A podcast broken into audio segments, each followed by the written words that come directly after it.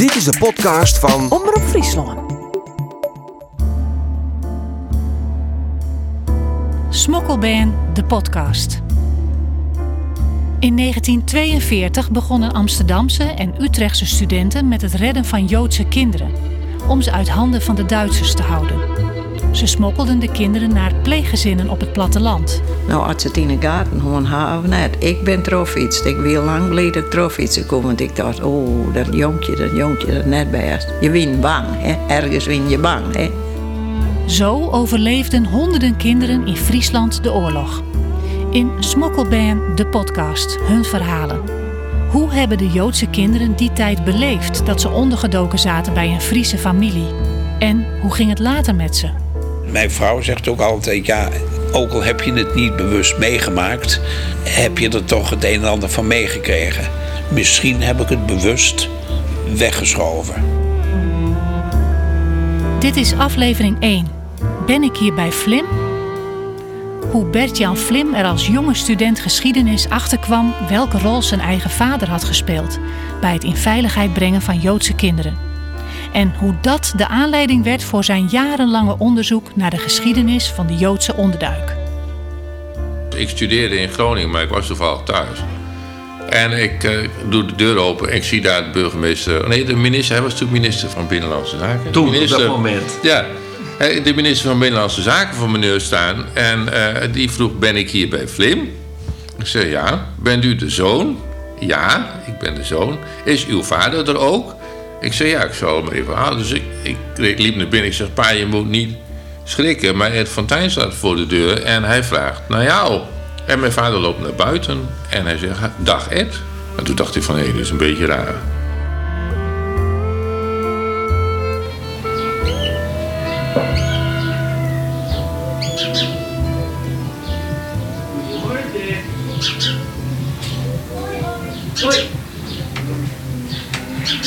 Hey Gerard, hoi. Hoi. Fijn dat je er bent. Ja. Kun je nog even erin komen? Ja, wist. Oké. Kom verder. Het is begonnen. Moest een bakje koffie? Ja. Ik ben Karen Bies, maker van de podcast Smokkelband. Samen met Gerard van der Veer. Praten wij Fries in koor of nee? Ja, eigenlijk wel. Je Ja? net? Ja. Gerard en ik hebben vorig jaar intensief samengewerkt in het project De Terugkeer van de Joodse Kinderen, 75 jaar na de bevrijding. En zo kennen we ook de historicus Bert-Jan Flim, bij wie we op deze eerste opnamedag samen langsgaan. We spreken toch met elkaar af dat deze podcast zoveel mogelijk Nederlandstalig wordt. Omdat de Joodse kinderen na hun vroegste jeugd in Friesland de Friese taal sindsdien niet vaak meer hebben gehoord waarschijnlijk. Op naar Groningen, naar eh, Bert-Jan Flim. Gerard, wie is hij? Nou, Bert-Jan Vlim, dat is een soort van wandelend archief. Die weet alles over deze geschiedenis. Over, die, eh, over de Joodse onderduikkinderen. Hij heeft er boeken over geschreven. Eh, onder andere over de kindersmokkel vanuit Amsterdam naar Friesland. Honderden kinderen. Nou, er was ook nog een smokkelroute naar Limburg en later naar Overijssel. En hij heeft eigenlijk zijn laptop vol met allemaal data over, over al die verhalen die, eh, die, eh, achter die, die Joodse onderduikkinderen. Hij is de deskundige eigenlijk van Nederland wat dit Hij, betreft. ja, hij is de deskundige op dit terrein van Nederland. Maar ehm, weet je ook wat zijn persoonlijke betrokkenheid is hierbij? Waarom, waarom hij juist hier zijn levenswerk van heeft gemaakt? Ja, daar heeft hij mij wel eens iets over verteld, maar niet heel veel. Dus daar ben ik eigenlijk ook wel heel benieuwd naar. Ik weet dat hij als. eh, toen hij nog jong was, dat er ineens bij, bij hem thuis werd aangebeld. En dat er iemand voor de deur stond en dat hij eh, op zoek was naar zijn vader. En toen kwam eigenlijk de, zeg maar, zijn eigen familiegeschiedenis kwam een beetje aan het licht. Dat zijn vader ook een belangrijke rol heeft gespeeld in de hulp aan, aan Joodse kinderen. Maar hoe dat precies zit, dat gaan we, nou, eh, dat gaan we hem straks vragen. Precies, ik zou wel eens eventjes van de hoed en de rand willen weten van Bert-Jan. En hoe kan het dat je er zelf zo eh, betrokken bent, bij bent geraakt, eh, Gerard? Ja, ik heb, ehm, een paar jaar geleden heb ik Lea Trop ontmoet. En dat is ehm, een vrouw uit Amsterdam. En die is als klein meisje is zij naar Friesland gesmokkeld. En daar heeft zij in eh, dorpje Abaga bij een bakkersfamilie de oorlog overleeft. Als Joods onderduikkind. Uit die documentaire, Ondergedoken in Friesland, een fragment. Waarin Gerard Lea interviewt. Lea zit in Amsterdam op de Sophie Rosentaal Bewaarschool. Een beukenskwalle van Joodse ben. In februari van 1943 besluit men Manja haar fjouwerjarige dochter in veiligheid brengen te laten. Wat ik me van herinner, we stond, in de slaapkamer stond ze. Ze was een koffer aan het pakken. En er was nog een echtpaar gekomen om mij goeiedag te zeggen. En die verpleegster, zal ik maar noemen, die kwam. Om me mee te nemen. En mijn moeder stond te huilen. Toen draaide ik me nog om naar haar en toen zei ze... ik kom je halen. En dat is natuurlijk nooit gebeurd. Maar toen, aan het eind van de straat, het is maar een heel klein straatje... toen was het zwart. Toen wist ik niks meer. En toen ik weer wakker werd, zat ik in de trein. En het volgende moment wat ik me herinner is... dat we in een, uh, uh, de winkel binnenkwamen, de bakkerswinkel... en dat ze er allemaal stonden, de hele, alle kinderen... En uh, ik zie Annie nog staan met de blonde krulletjes.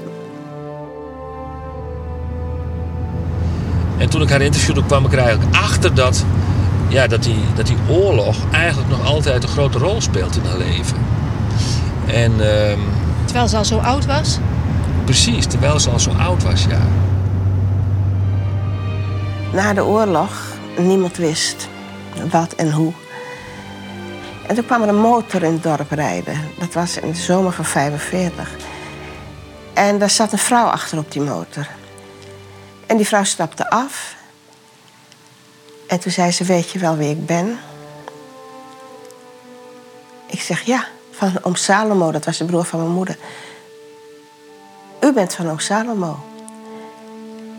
En toen, zei, toen ging ze met me naar binnen en toen gingen we in de goede kamer zitten, in de huiskamer. En met mijn hart zat aan tafel en ik zat op haar schoot. En nu wordt het een beetje moeilijk hoor. En toen zei ze. Ze vroegen naar mijn vader en moeder en toen zei ze. Ze komen nooit meer terug.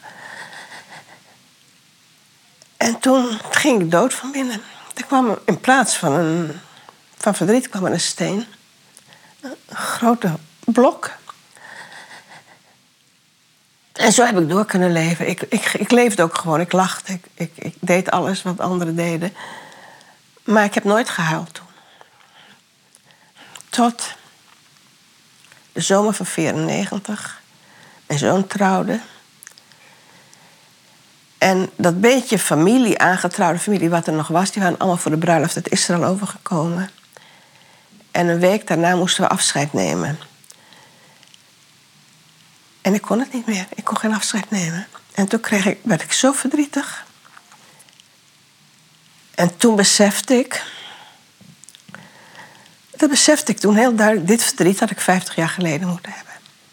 Dit is verdriet van 50 jaar geleden. en toen werd ik depressief. Toen, toen sloeg ik dicht. En ik deed niks anders dan huilen, huilen, huilen. En niemand begreep het. En toen belde Annie mij op een keer op. En ik huilde maar en ik. Toen zegt ze, hier moet Klaske aan te pas komen. Ik ga Klaske bellen. Nou, en Klaske die belde me op. Zegt ze, je moet maar een weekje bij mij komen. En toen zei ik, nee. Dat wil ik niet. Het is te veel oorlog. Ik wil het niet. Nou ja, ze hebben me er doorheen geholpen. Allemaal. Annie, Klaske en Fim, die hebben ontzettend veel voor me gedaan. Alle drie. Nou ja, het is een, uh, een worsteling met het leven. Hè? En dat, je ziet dat met heel veel van die Joodse onderduikkinderen ben ik later wel achtergekomen. Dat heel veel van die kinderen die, ja, die zijn zeg maar verweest uit die oorlog gekomen. Op zoek naar wortels, identiteit, waar hoor ik bij? Wie ben ik eigenlijk? Nou, dat bracht zij op een nou, hele indringende manier bracht zij dat onder woorden. En dat heeft me zo diep geraakt dat ik uh, zoiets had van, ik, ik moet hier meer mee.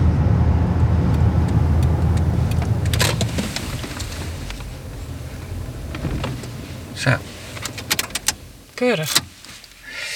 De bender. We zijn in Groningen. en bellen aan bij de man die al bijna 40 jaar werkt aan zijn onderzoek naar de Joodse onderduik. Ik denk dat ik het mooi vindt dat we op Tiert binnen. Want het is een man van data. Ja? Ja, en, Ja. en, en een historicus, een verzameling, verzameling van gegevens.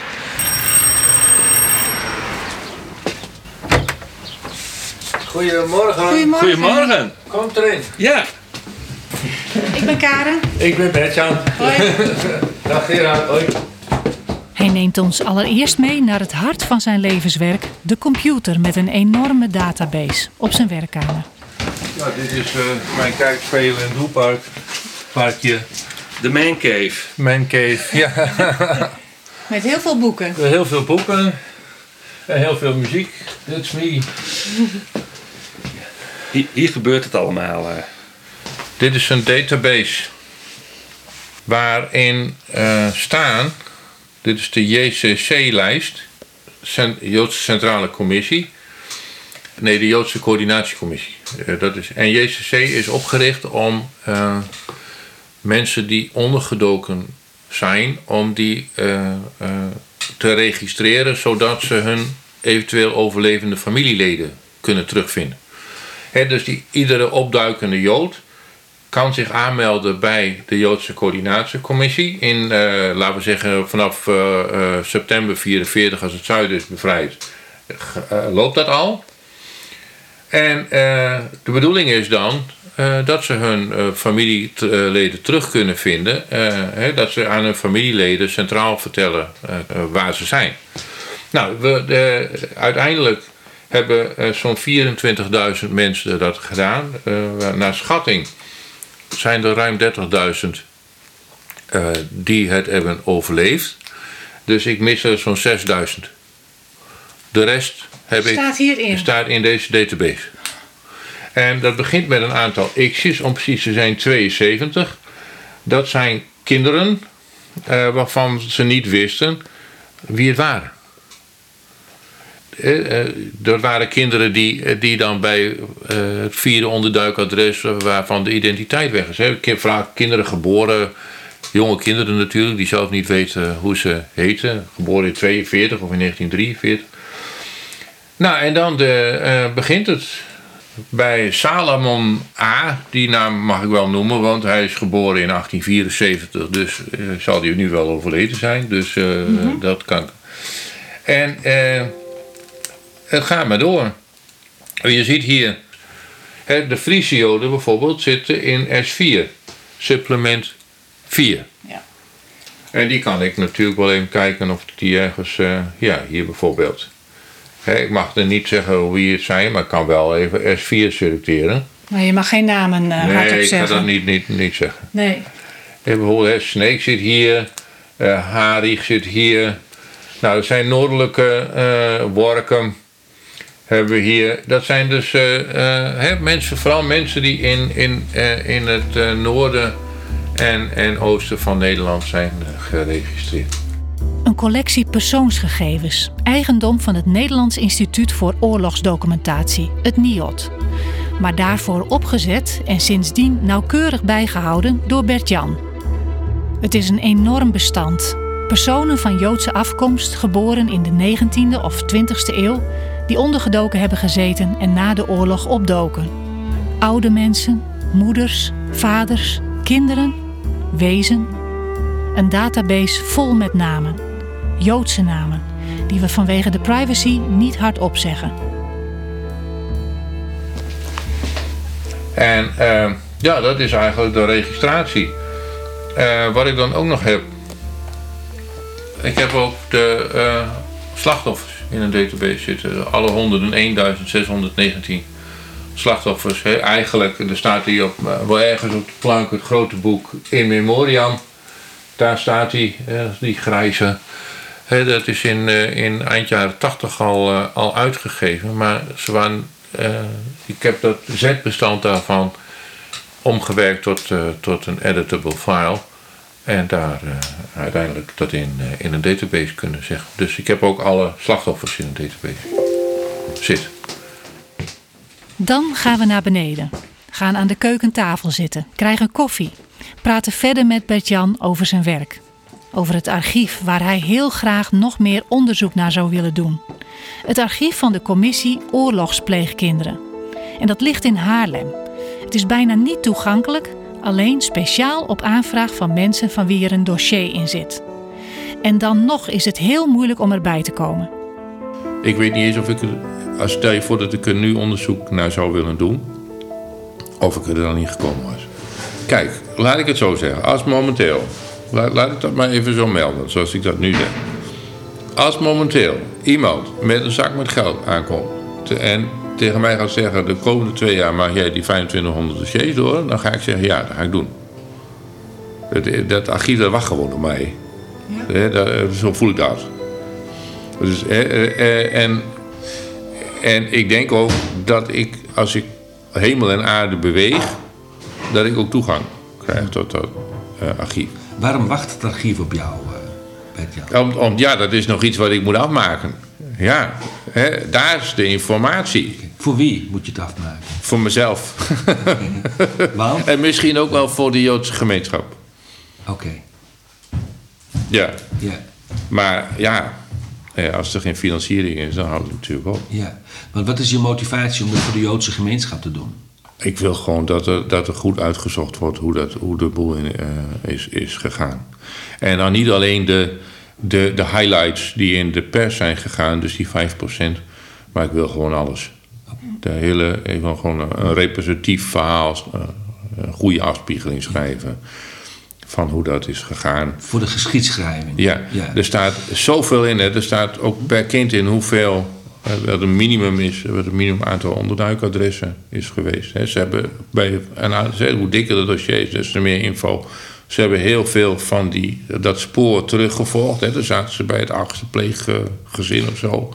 En dan, ja, dan eh, uiteindelijk, ze willen natuurlijk weten waar, wie de ouders zijn. Dus moeten ze dat terugvoeren tot het eerste adres. Nou, eindeloos eh eh, gepruts hoor. Dat, eh, ze, ze bellen stadland af en, en ze gaan bij weet ik wie allemaal op bezoek en brieven. En, en man, dat is een enorme informatietoestand eh, geweest. Ja. Jij zegt eigenlijk met zoveel woorden: deze oorlogsgeschiedenis is te belangrijk om in, in het archief. Ja, ik te vind, blijven. ik vind het hoog tijd dat, dat, we, deze, dat dit goed wordt uitgezocht. En, en, dat, ja, en dat ook, hè, want het geeft ook een heel mooi beeld van hoe je. eh, A, hoe, hoe er besloten wordt eh, onder hoge druk. Hè, die mensen eh, ja, die, dus die, die zaten onder enorme stress tijdens de oorlog. Hé, je moet dingen besluiten. Je, je moet besluiten, nou moet Jantje bij mij weg, want het is niet, niet veilig meer, dus moet Jantje naar iemand anders toe. Hè, stress, stress, stress. En, en, hè, eh, en, en dat, dat vind ik waanzinnig interessant. Hoe, hoe eh, reageren mensen, hoe besluiten mensen als ze onder hoge, onder hoge druk staan? En daarna, eh, hoe, hoe in een situatie waarbij de administratie eigenlijk stil ligt van het land, hè, tijdens, de, tijdens de bevrijding eh, en daarna in de eerste maanden was het chaos. Hoe proberen ze dan dit probleem op te lossen? Bert-Jan kan honderdduit en eindeloos vertellen. Hoe in de oorlog verzetsgroepen begonnen met het onderbrengen van Joodse kinderen op het platteland. Hoe ze in bijvoorbeeld Friesland terechtkwamen, bij boerenfamilies, middenstanders, gewone mensen. Waarom die dat deden, welke risico's daaraan kleefden. En welke problemen er na de oorlog bij de Joodse kinderen ontstonden, als ze op zoek gingen naar hun identiteit. Maar de vraag die we Bert-Jan vandaag willen stellen is waarom hij zelf zo geraakt is door het onderwerp. Omdat ik, ja, omdat eh, hoe er persoonlijk bij betrokken eh, ben geraakt, is, is dat, dat kan ik ook wel vertellen. Eh, misschien is dat wel goed. Eh, eh, je weet misschien dat mijn vader tijdens de oorlog zo'n 70 Joodse kinderen heeft laten onderduiken. Hij zat in Nijverdal, in, in Overijssel, op de grens tussen Salland en Twente. En hij kreeg via de NV-groep, dat is een van die andere onderduikorganisaties. NV? De naamloze vennootschap. Dat is ook de naam die ze aan hun verzetsorganisatie hebben eh, gegeven. Natuurlijk prachtige naam voor een verzetsorganisatie. Dat was een van de verzetsgroepen die zich bezighield Ja. met eh, de Ja. onderduik van Ja. Joodse kinderen. Ja, daar is hij eh, lid van geworden. En via die NV-groep kreeg hij 70 Joodse kinderen. Die zaten eerst vrijwel allemaal ondergedoken in Limburg. Maar daar werd het een beetje te druk. Dus hebben ze gezegd... eh, we moeten een aantal van die kinderen overbrengen naar ergens anders. En daarbij zijn ze bij eh, mijn vader uitgekomen. Bij mijn opa en oma, om precies te zijn. Die hadden het beheer over een landhuisje in de bossen van Nijverdal. En daar, van daaruit dat wilden ze als basis nemen om daar een eh, nieuw netwerkje te bouwen. Nou, mijn vader wou wel mee, die was bakker. Die had ook een heleboel klanten natuurlijk. Dus die kon dan bij de klanten die hij vertrouwde, kon die eh, de vraag stellen van, goh, zou je een Joods kind willen opnemen? Nou, van het een kwam het ander. Uiteindelijk zijn er 70 Joodse kinderen eh, eh, die kant op gekomen, waarvan die er ze niet alleen heeft ondergebracht in Nijverdal, maar ook in Enschede in, en in Hengelo en tot zelfs in, de, in de Achterhoek aan toe. Hè, dus, en dat deed hij allemaal op de fiets, dus die man die fietste zich helemaal wezenloos om bij die kinderen iedere maand een bonkaart te brengen. Nou, dat verhaal van de NV-groep is eh, opgeschreven door mij in eerste instantie als afstudeerscriptie in 1987. En eh, wanneer speelde dit? In 19... Wanneer ik die eh, scriptie Nee, geschreven nee, nee, nee, nee, van je vader. Nou, hij is erbij gekomen in. hij is er wat later bij gekomen dan de rest. Eerst zijn al die kinderen ondergedoken in Zuid-Limburg. En pas toen ze daar in de problemen kwamen, is, is mijn vader erbij gekomen. Dus dan heb je het over. Hij is in december 1943 erbij betrokken. Oké. Eh, en eh, laten we zeggen dat het begon te lopen vanaf februari 1944. Zoiets. Januari, februari 44. Ja, en was deze betrokkenheid van jouw vader hè, bij die smokkelijn naar Mhm. Oost-Nederland, hè, was dat altijd na de oorlog ook een verhaal in jullie familie? Nou, Wist jij er altijd van? We wisten, dat hij, we wisten dat hij zich had bezig gehouden met het redden van Joodse kinderen. Maar hoeveel er dat waren, waar die kinderen vandaan kwamen, dat wisten we allemaal niet. Wanneer kwam het voor jou aan het licht? Eh, nou, eh, toen, eh, toen Ed van Tijn eh, op, de, op de stoep stond. Ik wist wel dat mijn vader iets gedaan had. Ik wist op een gegeven moment ook dat Ed eh, eh, door mijn vader was, eh, was ondergebracht. De oud-burgemeester van Amsterdam. Oud-burgemeester van Amsterdam, Ed van Tijn. Maar ja, die stond op een gegeven moment op, eh, aan de deur in, eh, in, eh, in fietskostuum. dat zou ik echt nooit vergeten. Met zijn vrouw, ook in fietskostuum. In wielerkleren? Ja, in wielerkleren stond Oh. met een racefiets. Ja, was, hij was Oh. aan het fietsen met, met, met zijn vrouw. Oké. En ja, die belde aan en ik deed open. Ik, was, ik studeerde in Groningen, maar ik was toevallig thuis. En ik eh, doe de deur open en ik zie daar de burgemeester... Nee, de minister, hij was natuurlijk minister van, eh, van, eh, van Binnenlandse Zaken. Toen, op minister- dat moment. Ja, de minister van Binnenlandse Zaken van meneer staan. En die vroeg, ben ik hier bij Vlim? Ik zei, ja. Bent u de zoon? Ja, ik ben de zoon. Is uw vader er ook? Ik zei, ja, ik zal hem even halen. Dus ik, ik, ik liep naar binnen. Ik zeg, pa, je moet niet schrikken. Maar Ed van Tijn staat voor de deur en hij vraagt naar jou. En mijn vader loopt naar buiten en hij zegt, dag Ed. En toen dacht ik van, hé, dit is een beetje raar. Dit, dit, dit is dit- alsof hij al, al, al jaren kende. Dus, nou ja, goed. Ed bleek op bezoek te zijn om eh, voor mijn vader... of te vragen of mijn vader interesse had in de Yad Vashem-onderscheiding. Hij wilde de Yad Vashem-onderscheiding aanvragen voor mijn vader. En toen zei mijn vader... eh, alleen als dan de rest van de organisatie ook wil. Toink, mijn oortjes gingen omhoog. Organisatie, huh? En ja, ik ben bezig geschiedenis te studeren op dat moment. Ja, dus dat. eh, nou goed, kort, eh, kort en goed. Toen bleek dus eigenlijk dat mijn vader deel uitgemaakt had van een grote organisatie. Ja, en toen ben je door gaan vragen. En toen ben ik natuurlijk eh, gaan, gaan, eh, gaan kijken of ik daar iets mee kon.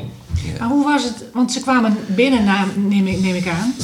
Ed van Tijn en zijn vrouw kwamen binnen. Ja, En, en ze zaten bij jullie aan de keukentafel. Ja, ja, zo ongeveer. Ja, nou in de woonkamer, ja. En eh, mijn moeder die was druk bezig koffie te zetten. En, En Ed die kwam dat vragen. En jij bleef erbij? Ja, ik bleef, ja, ik ging niet weg. Kijk, En was eh, daar ook sprake van, ja, wat voor eh, sfeer was er? Gevoel?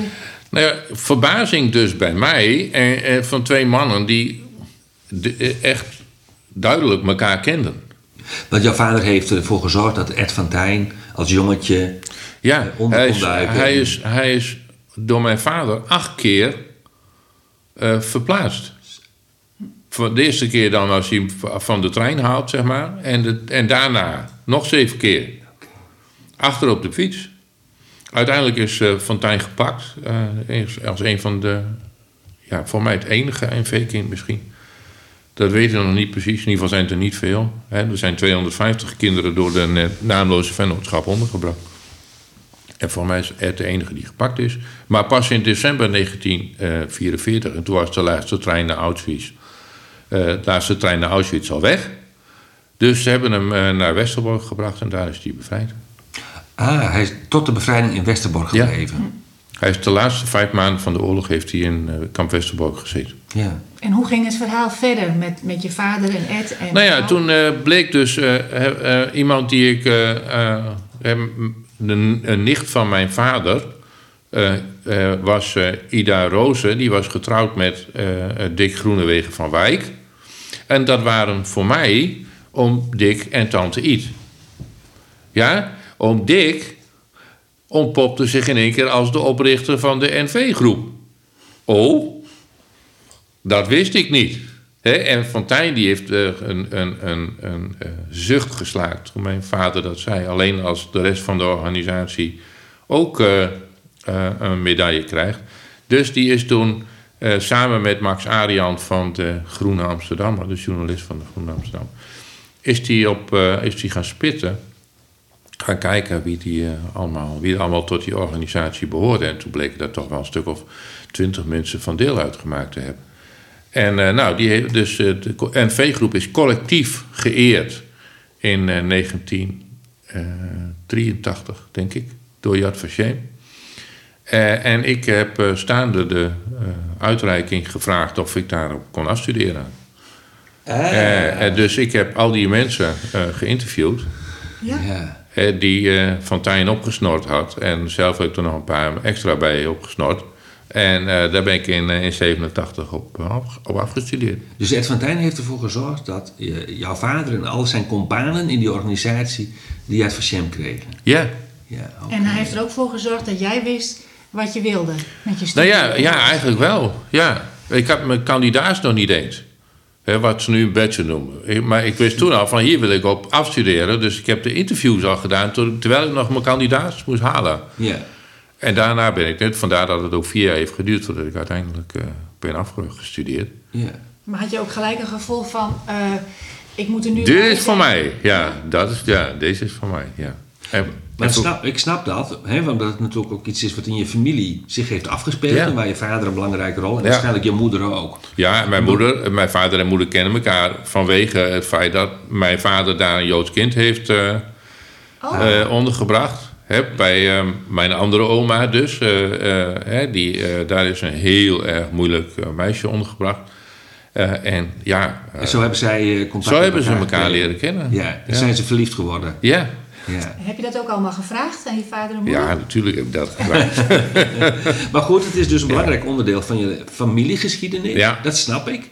En dat dat ook een reden is om, er- om hierin te duiken. Wat mij zo fascineert is, hè, kijk, als je een oorlog meemaakt, dan, dan- ja, dan krijg je altijd in meer of mindere mate een tik van. Of zo, hè? Van, je, je, je moet zien om, om die oorlog een plekje te geven. Maar ik heb zelf persoonlijk het idee dat die Joodse onderduikkinderen wel een hele grote tik hebben meegekregen Het, deze oorlog. het verschilt. Het ligt ook een beetje aan wat ze later na de oorlog allemaal meegemaakt hebben. Eh, hier een paar deuren verderop woont Roosje Kolthof. Roosje Kolthof is 89 inmiddels. Die heeft bij mijn vader ondergedoken gezeten. Dus fantastisch. Daar hebben dus nog steeds... eh, ja, de- dat is gewoon mijn buurvrouw. En die woont- die woont hier eh, vijf deuren verderop. Is ze thuis? Ja, ze is thuis, maar ik denk niet dat, ze dat, eh, dat je dat moet doen. Nee? Nee, ze is- Maar goed, zij is later tandarts geworden. En, en het is ook een van de slimste vrouwen die ik ken. Dus, dus haar verstand heeft er toch wel eh, eh, geholpen, zeg Ja, maar. En Ze is als wees uit de oorlog gekomen, dus een dik dossier van haar. Eh, hè, haar moeder is eh eh, vergast en haar vader, ja, wat daar precies mee gebeurd is, ik denk ook vergast, maar die waren al gescheiden voordat, ze, eh, voordat het, de ellende begon. Ja. En toen kwam je hier. Eh, maar zij is dus een van de mensen die gereageerd heeft op de oproep, oproep van Ed. Jij zegt van die Joodse kinderen hebben dat natuurlijk op een hele verschillende manier verwerkt. En dat is ook zo, maar het is natuurlijk ook een verhaal van mentale veerkracht, denk ik. Hè? Van hoe richt je je weer na de oorlog op? Om, eh, eh, een van die kinderen die in, eh, die in Utrecht zijn terechtgekomen door het Utrechts Kindercomité, die heb, dat, die heb ik geïnterviewd. Dat staat ook wel ergens in mijn, in mijn dissertatie. Ja, de- die zegt dat is ook een soort tijdgebonden. Hè, we waren allemaal klein, dus eh, de eerste jaren dat lukte allemaal nog wel. En dan zo in de jaren zestig, toen iedereen ging instorten, omdat alle trauma's naar boven kwamen, toen ben ik mee ingestort, zei hij zo mooi. Het zo van mee ingestort met de rest van de, van de mensen die eh, allemaal door. eh, hè, je had, eh, hij had zo'n psychiater die deed eh, eh, niets anders dan mensen met oorlogstrauma eh, eh, behandelen. En daar is hij dus ook terechtgekomen. En ja, ehm, ze hebben er, als je het gemiddeld zou zeggen, hebben ze er allemaal een tik van gehouden. Ja. En de een meer dan de ander. Ook heel veel eh, onderwijsachterstand. De mensen die echt eh, twee of drie jaar gemist hebben. En dan bij jonge kinderen in een klas eh, terechtkomen. En dan alsnog eh, iets moeten, moeten worden. Ja. Maar ik Ja. denk ook van, je bent na de En, en, het, en, en dat gesol, waar we even, eh, om het verhaaltje af te maken... dat gesol met die kinderen door, in, die, in die voogdijstrijd... heeft natuurlijk niet meegeholpen. Eh, er is een, eh, eh, toch ook wel onderzoek naar gedaan... naar die, naar die voogdijkinderen, hè, vanuit de psychiatrische kant. Een van die psychiaters heeft geconcludeerd... dat eigenlijk die kinderen na de oorlog... meer schade hebben opgelopen dan tijdens de oorlog. Dat vind ik toch wel een bijzondere eh, conclusie. Want?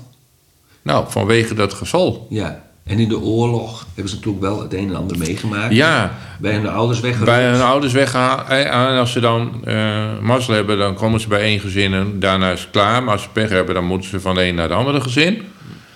En toch gemiddeld genomen, althans van de gevallen die hij heeft behandeld dan natuurlijk, hè. Ja. Dus van de gevallen die bij hem terecht zijn gekomen, dat, zijn, dat is natuurlijk geen representatieve eh, eh, daarvan, kan je zeggen dat ze na de oorlog meer schade hebben opgelopen dan tijdens de oorlog.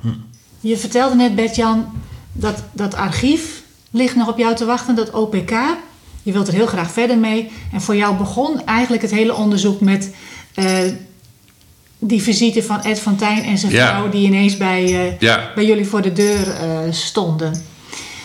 Ehm, hebben die persoonlijke verhalen die toen begonnen zijn... eh, en eigenlijk altijd maar door zijn gegaan... hebben die jou ook persoonlijk geraakt? Dat dat voor Ja, jou... natuurlijk heeft dat mij persoonlijk geraakt. En dat is, eh, eh, je kan denk ik niet neutraal luisteren naar dit soort, of, of, of die informatie die daar in die dossier staat, neutraal, cool lezen. Dat zijn vreselijke dingen soms. En natuurlijk raakt je dat. Maar wat je dan als historicus moet doen, is zorgen dat je dat naar een, een, een analyseplan brengt, naar een hoger plan brengt. En dat je daar, dat je, daar eh, je, je, je eh, opleiding op loslaat, zodat je daar eh, ja, de juiste vragen kan stellen. Ja. En maar als mens, wat raakt jou dan het allermeest? Nou ja, de, de wijze waarop die kinderen dat hebben moeten ondergaan natuurlijk. Er zijn eh, eh, duizenden kinderen van huis en haard ontworteld eh, en bij, bij pleeggezinnen terechtgekomen. Mensen die ze niet kenden. Wat mij dan raakt is, is, is de wijze waarop dat soms, de vreselijke dingen die zich daar soms hebben afgespeeld. En vooral ook, wat me fascineert, is, is de veerkracht van die kinderen na de oorlog. dat ze er toch, ondanks die eh, ellende, eh, in de, veruit de meeste gevallen weer bovenop zijn gekomen. En volgens mij hebben heel veel het op eigen kracht gedaan.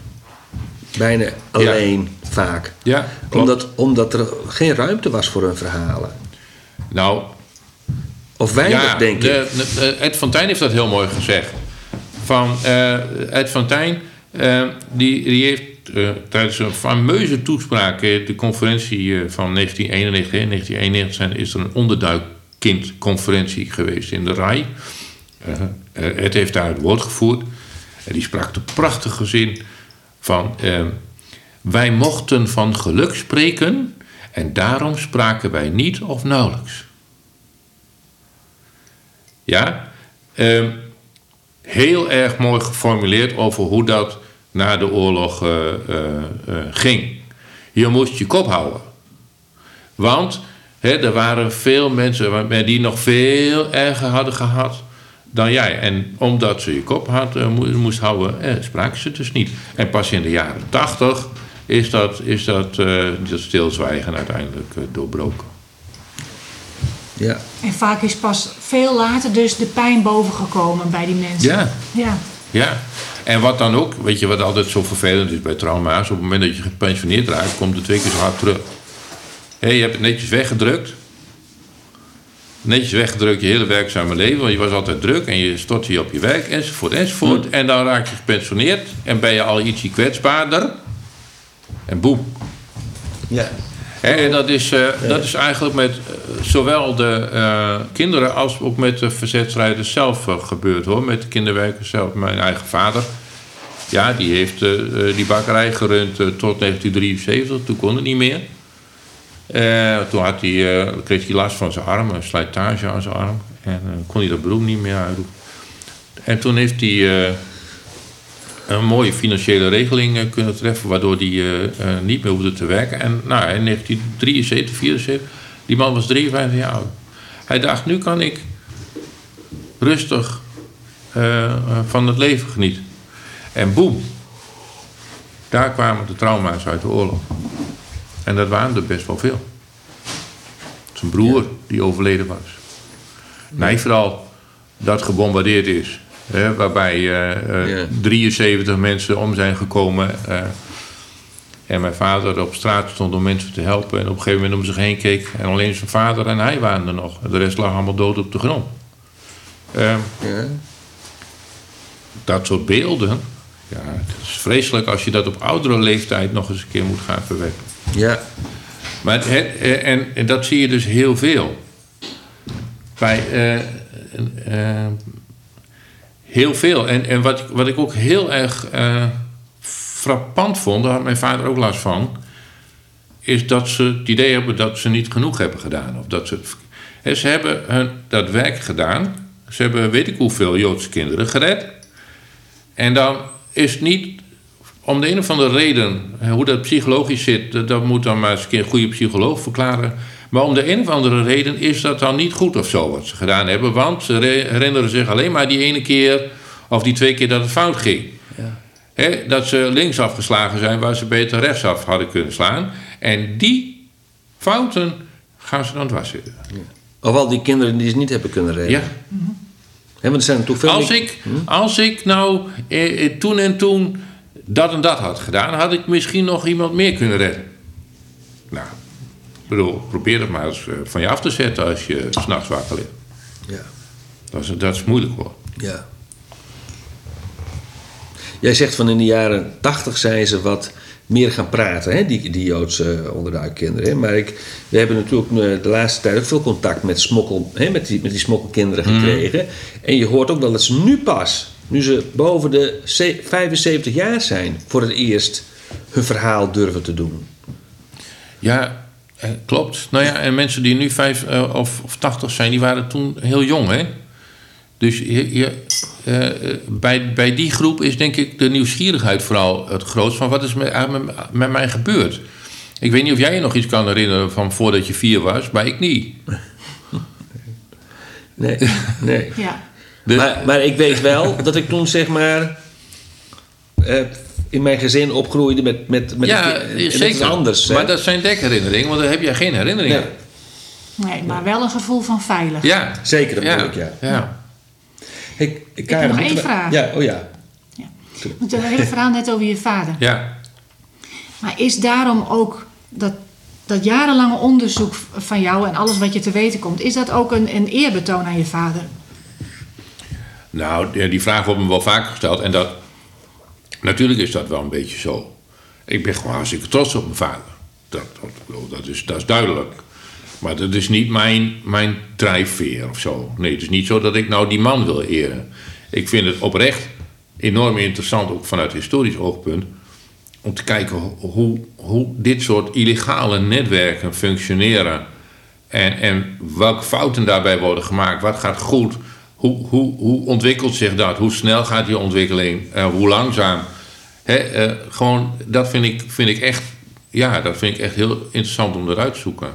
En wat vond je En, en dat mijn vader daar deel van uitgemaakt heeft, is natuurlijk. Ik zie het als een prettige bijkomstigheid. Is dat een, goed, is dat een antwoord?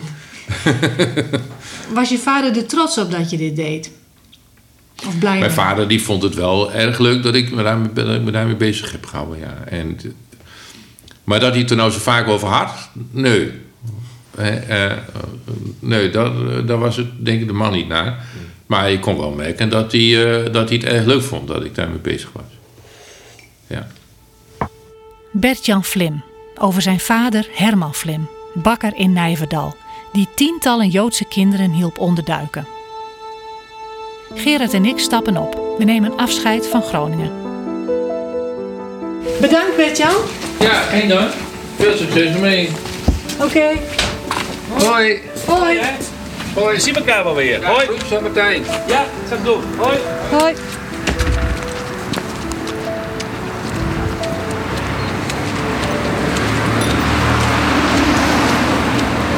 Wat een verhalen, hè? Ja. Is er nou, eh, ja, Nog volle meer dan we van plan waren. ja. Nog vol van dit verhaal overleggen we nog even over de volgende aflevering van deze podcast, Amsterdam. Hoe en waarom besloten jonge studenten om Joodse kinderen te gaan redden? En we gaan op bezoek bij Anna Bogaert, nu studentengeschiedenis in Amsterdam, die onderzoek doet naar de rol van de vrouwelijke studenten in de reddingsoperaties. En morgen ga ik naar Amsterdam, naar Criterion. Ja, Ik wil eigenlijk wel meer weten van wat er in Amsterdam eigenlijk eh, gebeurd is. ja. Dat snap ik. Ja. hey, dat is, daar is het eigenlijk al in begonnen. Ja, ja precies, maar die studentengroep. Ja, En, en Piet Meerburg en Wouter van Zuidveld Ja. en al je vrouwen. ja. Wat mij persoonlijk heel erg fascineert is, is maar eh, hoe jong het ze wien. Hè? Ja. Zes die Wouter ten Zijtveld, de, de rechterhand van Piet Meerburg, wie maar 18. Ja, Dat is, oh, vind ik ongelooflijk. ja, om dan zulks te ondernemen Ja. en dat te wollen. Dit was aflevering 1 van Smokkelband, de podcast. Gemaakt door Gerard van der Veer en Karen Bies. De muziek is van Johan Johansson, Fabian Reumer en van de Silk Road Ensemble met Jojo Ma. Montage Harry Zwerver. Technische hulp van Steven Scholte en Martin Wiebenga. Vormgeving Hugo Bosgraaf. Online redactie Marijke de Boer. Smokkelband is niet alleen een podcast, er is ook een serie tv-documentaires van Friesland Doc. Kijk daarvoor op omroepfriesland.nl slash frieslanddoc. Smokkelband wordt gemaakt door Omroep Friesland en Stichting De Verhalen. In samenwerking in het project De Terugkeer van de Joodse Kinderen. In de Leeuwarden Courant en het Fries Dagblad kun je nog meer lezen over de Joodse kinderen die in de oorlog onderdoken in Friesland. Abonneer je op Smokkelband via de podcast-apps op je telefoon dan krijg je elke keer een seintje als er weer een nieuwe aflevering is.